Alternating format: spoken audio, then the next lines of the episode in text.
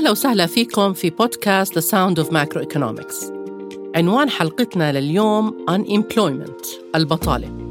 الهدف من هذه الحلقة نتعرف على مفهوم البطالة ونعرفه وكيفية حساب البطالة. أكيد كل واحد فينا لمس الآثار الاقتصادية اللي ترتبت على جائحة كورونا على جميع المستويات واللي أهمها كان خسارة الكثير من الموظفين لوظائفهم.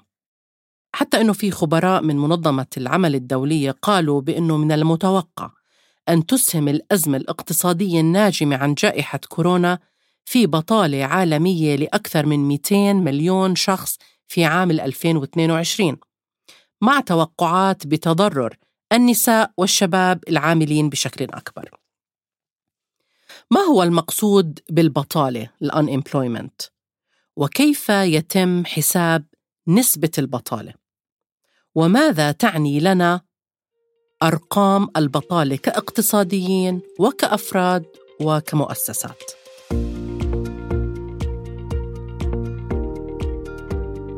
حتى نتعرف على مفهوم البطالة بشكل أفضل لابد أنه نعرف عدة مصطلحات جميعها مرتبطة بموضوع البطالة والاطلاع عليها ضروري جدا. لفهم ما يترتب على البطالة وتبعاتها الاقتصادية. بداية رح نبدأ بمفهوم السكان. يمكن كلنا بنعرف إنه أي بلد لابد من إنه نحدد فيها عدد السكان الموجود. على سبيل المثال لما بنحكي إنه الأردن حالياً عدد سكانها يقارب العشرة مليون نسمة إذا إحنا بنفترض إنه العشرة مليون نسمة هدول موجودين في الأردن عايشين ضمن حدود الأردن وطبعا أعمار العشرة مليون نسمة تتراوح من يوم إلى أكبر عمر ممكن يوصله الشخص في الأردن هلأ هدول العشرة مليون نسمة في الأردن إذا أنا بدي أحكي عن موضوع البطالة هل يفترض إنه العشرة مليون نسمة يكون عندهم وظائف؟ طبعا مش منطقي يكون عند العشرة مليون نسمة وظائف لأنه أنا بحكي عن أعمار تتراوح ما بين يوم إلى آه، أعلى عمر ممكن يوصله الشخص. وبالتالي حتى أوصل لمفهوم البطالة وأوضحه لابد أني أقسم السكان في أي بلد إلى فئات حتى آه، أسهل عملية توضيح مفهوم البطالة. فخلينا الآن نقسم عدد سكان الأردن اللي هم 10 مليون نسمة إلى فئتين. الفئة الأولى فئة ذوي الأعمار الأقل من 16 سنة. أما الفئة الثانية فهي فئة ذوي الأعمار اللي 16 فما فوق. أكيد رح تسألوا ليه اخترنا عمر ال 16 لنحدد الفئتين؟ السبب إنه عمر ال 16 سنة في الأردن وفي معظم دول العالم هو مرحلة انتهاء فترة التعليم الإلزامي. وبالتالي أي شخص أقل من 16 سنة من المفترض أن يكون على مقاعد الدراسة ومن غير المتوقع أن يكون ضمن فئة الباحثين عن العمل. لأنه إحنا بنعتبر ك... كالأردن وكأي دولة أنه التعليم هو أساسي وضروري لأي شخص وارتأت الدول أنه تحدد فترة للتعليم الإلزامي. كانت هذه الفترة على عمر ال16 بينهي فيها الشخص مرحلة التعليم الإلزامي. إذا حب يكمل مدرسة ممكن يكمل دراسات عليا بيكمل أو حب ينضم لسوق العمل هو أنهى مرحلة التعليم الإلزامي. إذا هذه الفئة المجبرة تكون على مقاعد الدراسة ضمن فترة التعليم الإلزامي. يجب أن يتم استثنائها عند الحديث عن قياس البطالة وعن آه، معالجة مشكلة البطالة. إذا أنا بفترض أنه الأقل من 16 موجودين على مقاعد الدراسة ومش مفروض يكونوا في حسابات آه، نسب البطالة. الآن حتى أحكي عن البطالة إذا أنا معني فقط بالفئة العمرية. 16 فما فوق هذه الفئة مسموح لها بأن تعمل لأنها أنهت مرحلة التعليم الإلزامي ولكن هل كل شخص عمره 16 سنة أو أكثر في الأردن بيبحث عن عمل وبيرغب في آه، العمل؟ ليس بالضرورة أن يكون كل شخص عمره 16 سنة فما فوق أنه يكون من ضمن الباحثين عن عمل. وبالتالي إذا هذا الشخص اللي عمره 16 فما فوق لا يرغب في العمل ولا يبحث عن وظيفة ما لازم أنا أدخله في حسابات البطالة أو في علاج مشكلة البطالة. وبالتالي الفئة العمرية من 16 فما فوق رح نقسمها إلى عدة أقسام. القسم الأول هو البالغين 16 فما فوق وباحثين عن العمل. والقسم الثاني البالغين 16 سنة فما فوق ولا يرغبوا في العمل وغير باحثين عن العمل. إذا الآن أنا عندي فئتين ضمن الفئة العمرية 16 فما فوق. الفئة الأولى تبحث عن عمل وترغب بوظيفة والفئة الثانية لا تبحث عن عمل وغير راغبة في أي وظيفة. هلأ أسباب عدم الرغبة في العمل متعددة. قد تكون عدم رغبة فعلية قد تكون آه، رغبة في استكمال مرحلة الدراسة الثانوية ومرحلة الدراسة الجامعية. قد تكون اكتفاء ذاتي وفي دخل ولا يوجد رغبة في العمل. عدة أسباب تستدعي أنه الشخص ما يكون عنده رغبة في العمل. الآن بدنا نعرف من هو الشخص العاطل عن العمل. لأنه حتى أعرف البطالة بدي أعرف من هو العاطل عن العمل وحتى أعرف العمالة بدي أعرف من هو الشخص العامل. خلينا نعرف العاطل عن العمل.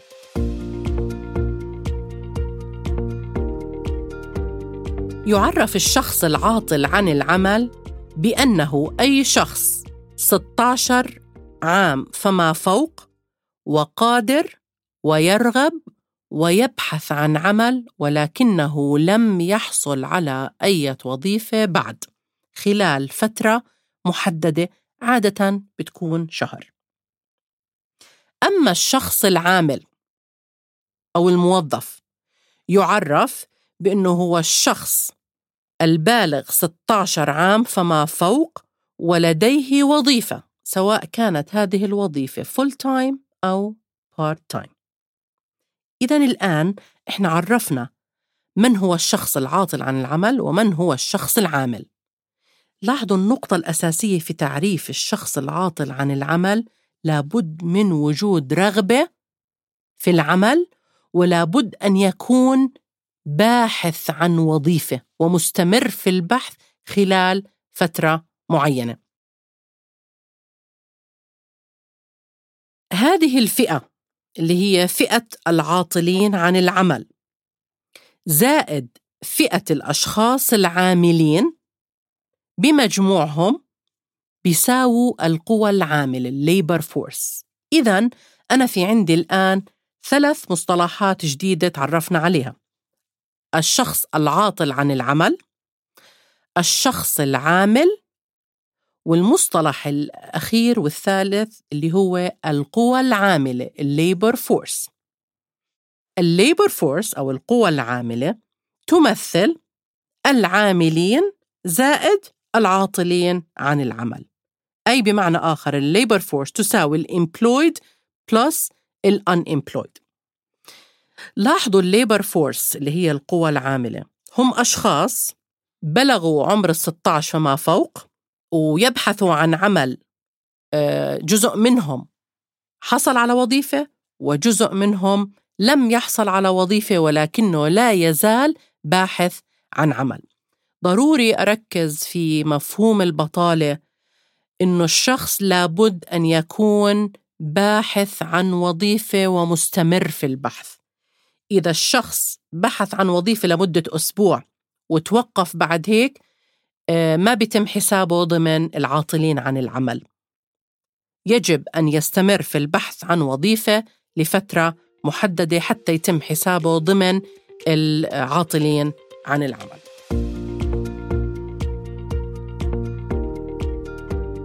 خلينا ناخذ مثال حتى نوضح ما هو المقصود بمفهوم البطالة ومفهوم القوى العاملة ومفهوم العمالة. لنفرض أن نسبة البطالة في الأردن تم التصريح عنها بأنها تساوي 25%. ماذا تعني لنا هذه النسبة؟ سواء كمتخذي قرار كسياسيين كأفراد كمؤسسات. ماذا تعني نسبة بطالة في الأردن 25% طبعا في سنة محددة. هذا الرقم أو هذه النسبة ال 25% تعني التالي أن 25% من الأشخاص ذوي أعمار 16 فما فوق الراغبين في العمل والباحثين عن وظيفة ولا يزالوا يبحثوا عن وظيفة لم يجدوا وظيفة لغاية الآن. إذا أنا ال 25% تم تحديدها كنسبة من الأشخاص اللي بيرغبوا في العمل وباحثين عن عمل بالنسبة لمجموع القوى العاملة واللي هم آه، أشخاص عمرهم 16 فما فوق ويرغبوا ويبحثوا عن عمل وقد يكون جزء منهم عامل وجزء منهم غير عامل. نسبة الباحثين عن العمل وأعمارهم 16 فما فوق والراغبين في العمل ولا يزالوا يبحثوا عن عمل ولم يحصلوا على وظيفة بالنسبة إلى القوى العاملة تساوي 25% آه، في الأردن. طبعا هذا رقم نوعا ما نعتبره عالي كاقتصاديين. وكمتخذي قرار ومعنيين بالسياسة الاقتصادية لابد أنه نشوف حل لمشكلة البطالة هذه مشكلة آه، ليست فقط اقتصادية إنما اجتماعية وسياسية ولها انعكاسات كثيرة هل من الممكن أتحكم بنسبة البطالة في أي بلد؟ هل ممكن أن أن أقوم بمعالجة هذه المشكلة؟ حتى أعالج مشكلة البطالة في أي بلد لابد أن نتعرف على بعض التحديات ونوضح بعض الأمور ذات العلاقة بمفهوم البطالة.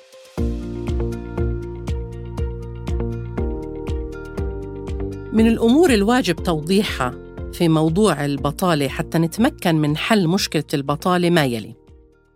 أول موضوع وهو حاجات السوق من الوظائف.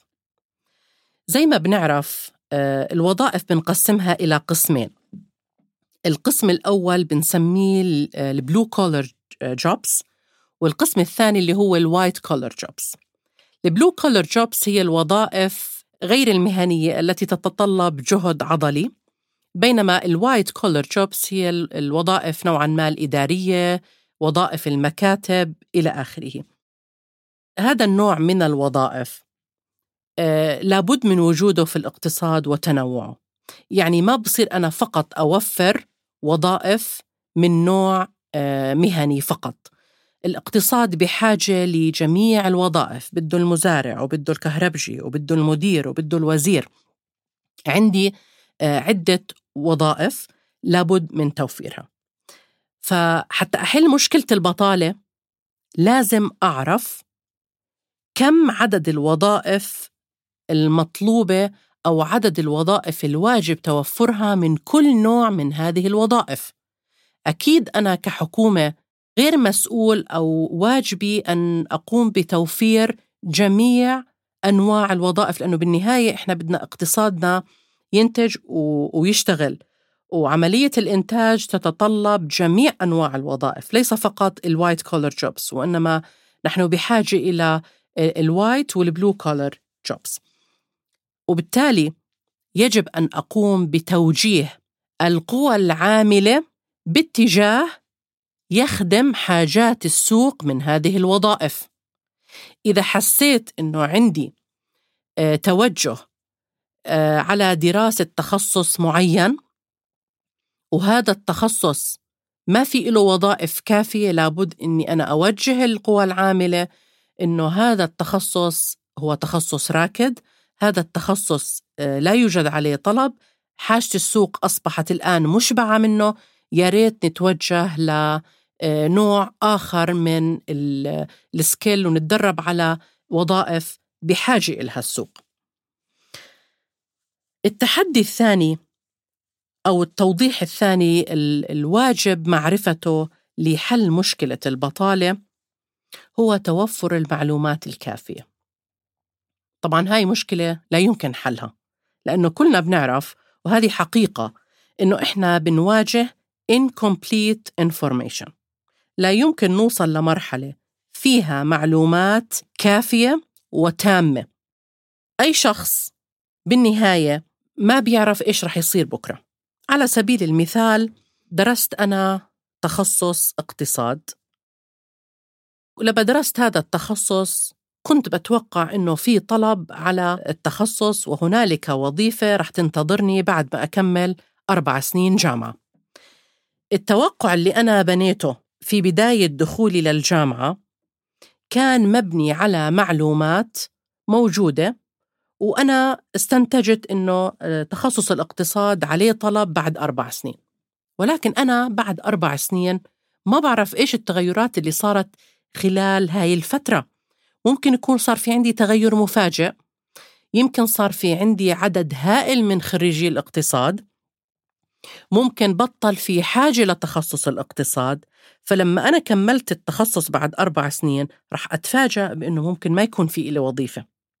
هلأ هاي المشكلة آه إلها علاقة بال complete information من الصعب أني أنا أحصل على معلومات كافية وخاصة إذا كانت بتتعلق في المستقبل. ولكن اللي إحنا بنحكيه قدر المستطاع نحاول نوفر أكبر قدر من المعلومات لنتمكن من بناء توقعات سليمة لنتمكن من التخطيط للمستقبل وكل ما كانت معلوماتنا أكثر وأدق كل ما كان تخطيطنا آه، قابل للنجاح وممكن إحنا نحل المشاكل أو ما نواجه مشاكل في المستقبل.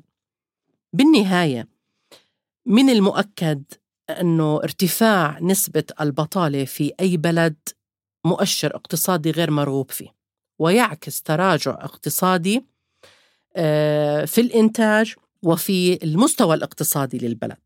وإذا انخفضت نسبة البطالة هذا آه، مؤشر إيجابي ويعكس تحسن في الأداء الاقتصادي. وبالتالي البطالة هي مؤشر قد يعكس الناتج المحلي الإجمالي بطريقة غير مباشرة لأنه كل ما زاد إنتاجي أنا بتوقع زيادة في آه، فرص العمل زيادة في الوظائف وبالتالي بستنتج أنه ممكن آه، نسبة البطالة تقل. إذا بطريقة أو بأخرى جميع هذه الأمور مرتبطة مع بعضها البعض. الإنتاج بينعكس على البطالة والبطالة بالنهاية آه، مؤشر على الإنتاج هل هو مرتفع هل هو متدني. آه، وجود فرص عمل ووجود وظائف بيعكس دخل المواطنين والدخل إذا تم إنفاقه في البلد فهو محرك أساسي لعجلة الاقتصاد.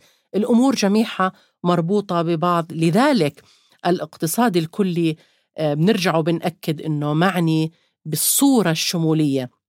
بالتحليل الكلي على جميع المستويات ولا بد للنظر إلى البيك بيكتشر حتى أنا أستطيع أن أقيم أداء البلد أو الأداء الاقتصادي سؤال حلقتنا لليوم هل برأيكم أن أفضل مستوى للبطالة يمكن الوصول إليه هو صفر في المية؟ انتهت حلقتنا لليوم. بانتظاركم في الحلقات القادمة وسعيدة بالإجابة على جميع استفساراتكم من خلال الموقع المخصص للمقترحات.